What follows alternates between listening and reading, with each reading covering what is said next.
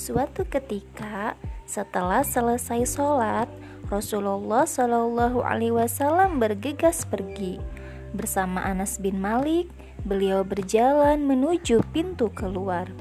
Sesampainya di pintu masjid, keduanya berpapasan dengan seseorang. Orang itu tidak menyia-nyiakan kesempatan berjumpa dengan Rasulullah Shallallahu Alaihi Wasallam. Dia langsung bertanya tentang hari kiamat. Bukannya menjawab pertanyaan orang itu, Rasulullah Shallallahu Alaihi Wasallam justru bertanya kepadanya, "Bekal apa saja yang telah kau persiapkan?" Dengan malu-malu, orang itu menjawab, Be "Belum ada ya Rasulullah." Sholatku masih sedikit, begitupun dengan sedekah dan saum. Namun, aku sungguh-sungguh mencintai Allah dan Rasulnya.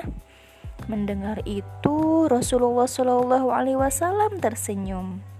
Beliau pun berkata kepada orang itu, "Kelak engkau akan bersama orang yang kau cintai itu."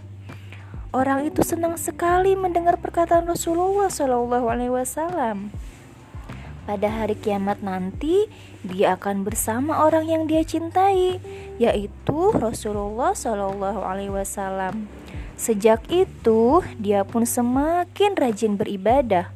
Orang yang rajin ibadah pastilah sangat mencintai Allah Subhanahu wa taala dan rasulnya. Allah Subhanahu wa taala pun sangat mencintai orang yang mencintainya dan rasulnya.